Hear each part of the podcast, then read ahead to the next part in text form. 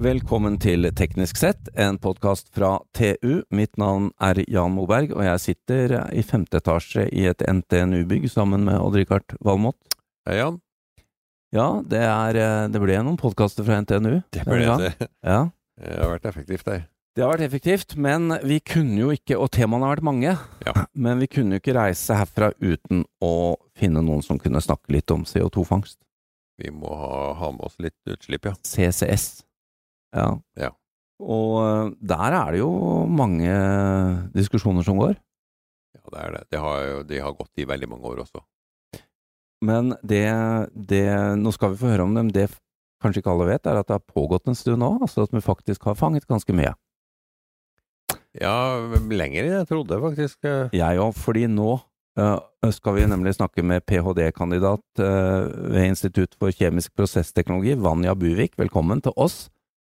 Tusen takk. På, på, egentlig på, på di, ditt hjemmeområde her på NTNU. Men eh, du må fortelle oss først og fremst, du, du driver jo eh, med dette med CO2-fangst fra store utslippskilder, og jeg må innrømme at jeg, jeg har hørt om det, men jeg var ikke klar over at vi hadde holdt på så mye som vi hadde her i Norge. Nei, vi er jo egentlig en ledende nasjon innenfor eh, både CO2-fangst og -lagring. Eh, For det første så har man jo drevet med CO2-fangst fra- for å rense gass i nesten 100 år nå, med såkalt aminteknologi. Eh, Og i tillegg så har jo vi i Norge siden 1996 lagra rundt 1 million tonn CO2 i året på havbunnen på Sleipner Vestfeltet. Og siden 2007 så har vi også åpna Snøhvitfeltet, der det lagres 700 000 tonn CO2 i året. Det er ganske mye av det. Ja, det er Rikard. ganske betydningsfullt når du tenker på at vi slipper ut uh, par og 50 Ja, millioner er tonn i året. 2-3 i Norge. prosent av, av nasjonale utslippet, det, selv om uh, Ja. dette da vel ikke Dette er jo ikke da et utslipp. Nei, Nei. ikke sant. Men, men Vanja, bare for å ta det, du snakket om at denne teknologien har blitt brukt i 100 år, Mm. men da lagret man vel ikke CO2-en man fanget? Nei, til å begynne med så var jo CO2 bare en slags forurensning da, i eh, gass som man skulle bruke som eh, drivstoff, brukt av forbrenning, så da fanga man CO2 med aminteknologi, og så slapp man den ut igjen. Men vi har funnet ut at det er ikke så veldig lurt, da. Så nå har vi tenkt at vi skal ikke bare lagre litt, men masse av den CO2-en Det som ellers ville ha brukes vel en del ennå til å rense biogass og sånn. Ja, ja. Ja, ja for det, biogass det blir jo en en mm. kombinasjon av metan og CO2. både biogass og naturgass renses for CO2. eh, Ja. Veldig ofte med det her aminteknologien. Altså ja, så når vi lager biogass i Norge, da slipper vi CO2-en ut. Ja. Det gjør vi. Så dette vi, vi kan konkludere med at det faktisk fungerer godt, og at eh, dere vet mye her ved NTNU og SINTEF. Ja. Lenge før jeg kom, så har de visst veldig masse om både CO2-fangst og -lagring, både på Sintef og NTNU her. Så. Men hva er det du konkret jobber med nå? Det som jeg gjør, det er at jeg forsker på en type væsker som heter for amina, som kan brukes til å fange CO2. Eh, Det er jo, som jeg sa, en teknologi som har vært i bruk veldig lenge, og som fungerer veldig bra. Eh, Men det jeg forsker på, er å gjøre dem enda bedre, da. Eh, Prøve å finne ut hva det er som eventuelt kan gjøre dem mindre stabile, og hva vi kan gjøre for å gjøre dem mer stabile over tid, sånn at eh, prosessen da kan bli billigere. Ja, for aminer er en sånn sekkepost for en en gruppe kjemikalier, ikke sant? Ja. Aminer er egentlig bare veldig mange typer kjemikalier eller molekyler som inneholder nitrogen. Ja. Ja, og det nitrogenet, det er det som er da clouet, det er det som gjør at vi klarer å binde eh, aminmolekylet til CO2 kjemisk. Og der har man kommet langt i å få, for, å, for å øke effektiviteten i prosessen, ikke sant? Der har vi kommet redusere langt. kostnader. Mm. Men, men eh, Vanja, si meg, hvor, hvor vi- avhenger dette veldig mye av hvilken type fangst du driver med? Altså Nå har vi jo snakket om, i Norge har det vært veldig mye framme at du skal drive CO2-fangst fra et forbrenningsanlegg eller fra en sementfabrikk. Er det forskjellige prosesser? Eh, akkurat både forbrenningsanlegg og sementfabrikk er steder hvor det egner seg ganske godt med aminteknologi. Eh, blant annet så får du bruk for eh, restvarmen som eh, de her prosessene har, eh, som gjør at du kan skape, eh, spare litt energi. Ja, for den avgir jo mye, mye varme, ja. Ja, så noe av det som gjør den prosessen her litt dyr, det er jo det at vi trenger litt energi. I form av varme, ja. i form av varme i stor grad i aminprosessen. Ja. Eh, Så for andre ja, for andre steder man vil fange CO2 fra, så kan det kanskje egne seg å bruke andre teknologier. eh, i framtida.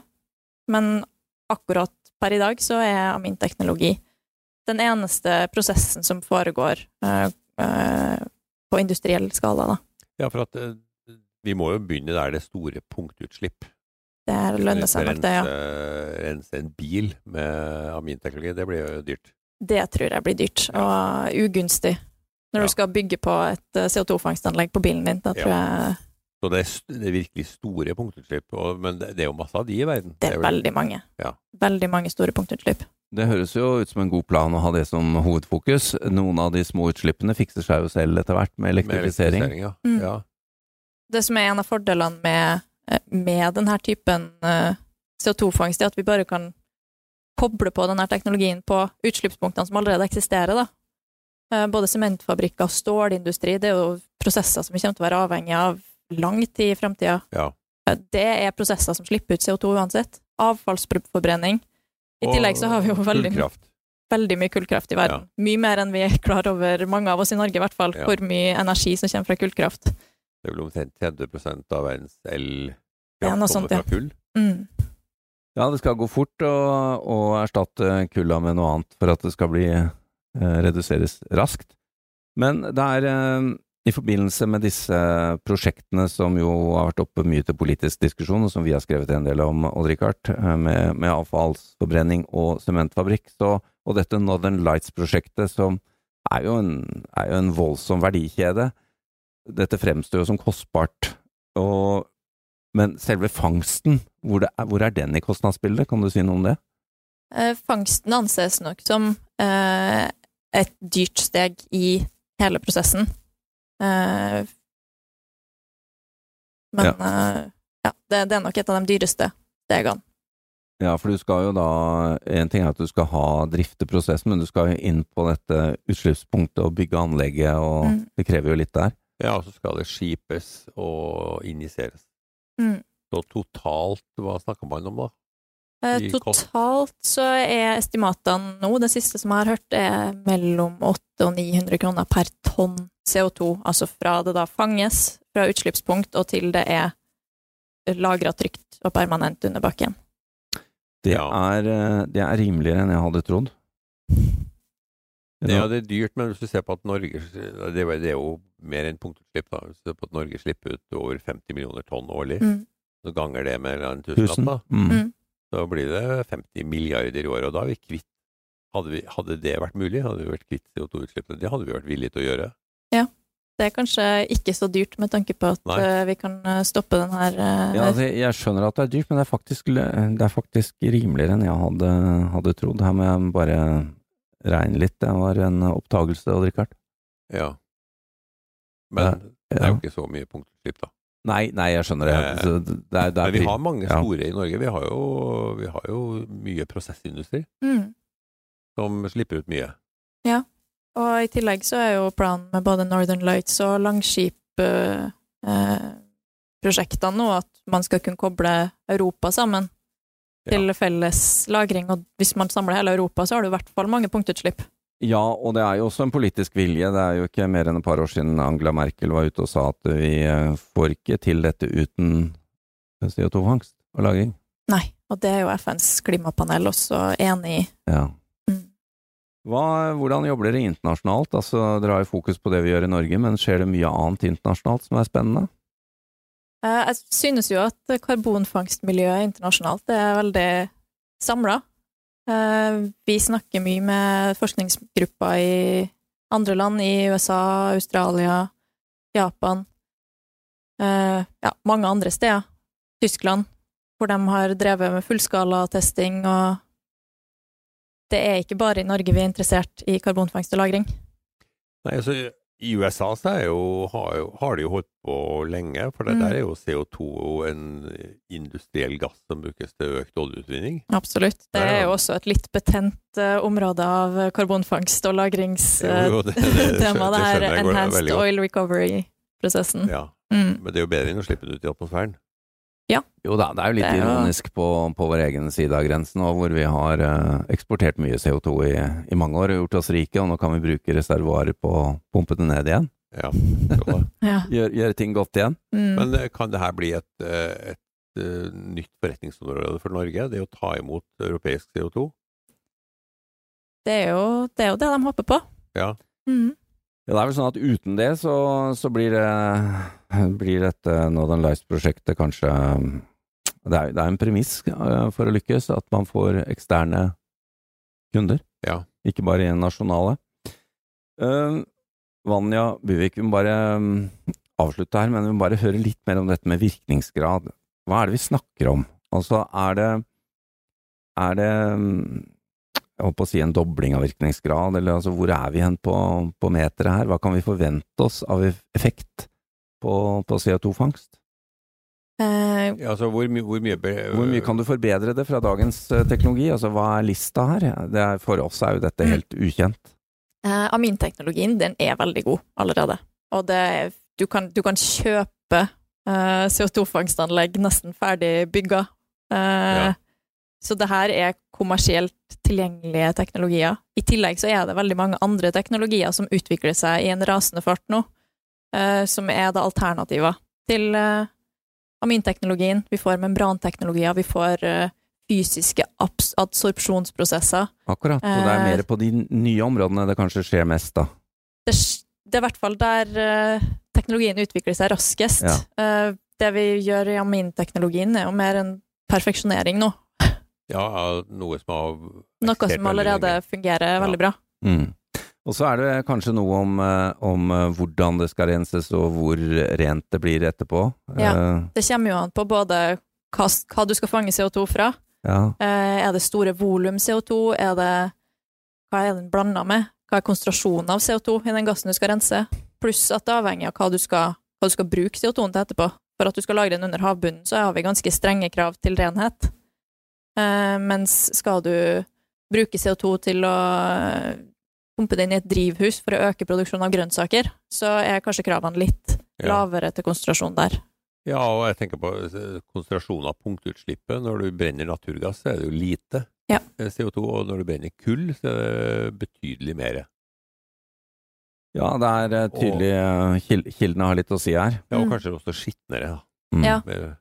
Tilbake til det du sa, Vanja. Det er faktisk i Nederland de fanger CO2, pumper inn i drivhus. Ja, de har bygd CO2-fangstanlegg på et eh, eh, avfallsforbrenningsanlegg, og bruker nå den CO2-en til å dyrke grønnsaker. Det er jo fotosyntesen som gjør jobben Richard. ja, uten å komme inn på det. Men det er, jo, det er jo en veldig fornuftig bruk av CO2, da. Ja, For at, uh, før så måtte du jo produsere CO2-en. Ja det her samme drivhuset, det brant jo naturgass før, Ja. eh, For for, å å få få det samme, CO2. Ja. Så nå har vi jo fjerna et steg. Hva okay. sier du, Richard? Du er kjent for å være litt sånn pessimist eh, for fremtiden. Eller vekslende, i hvert fall.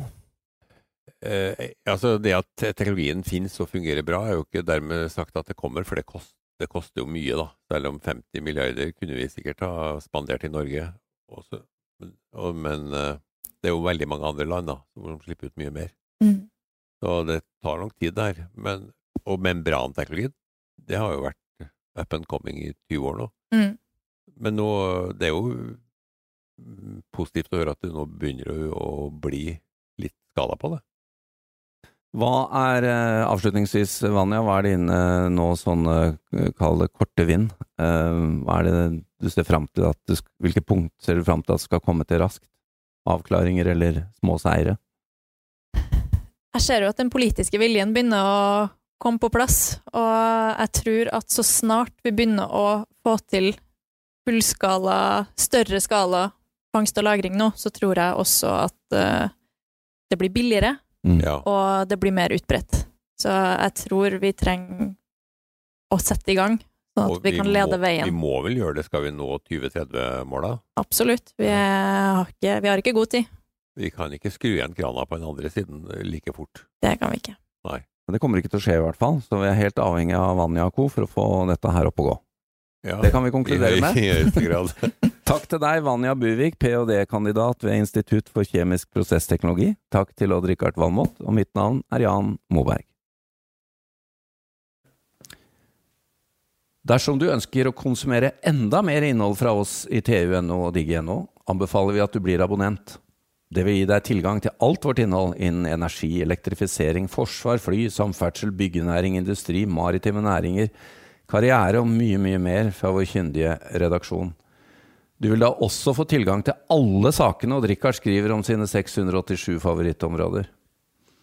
Vi har også egne avtaler for bedriftsabonnement, og, som om ikke det var nok, medlemmer av Nito og Tekna for halv pris.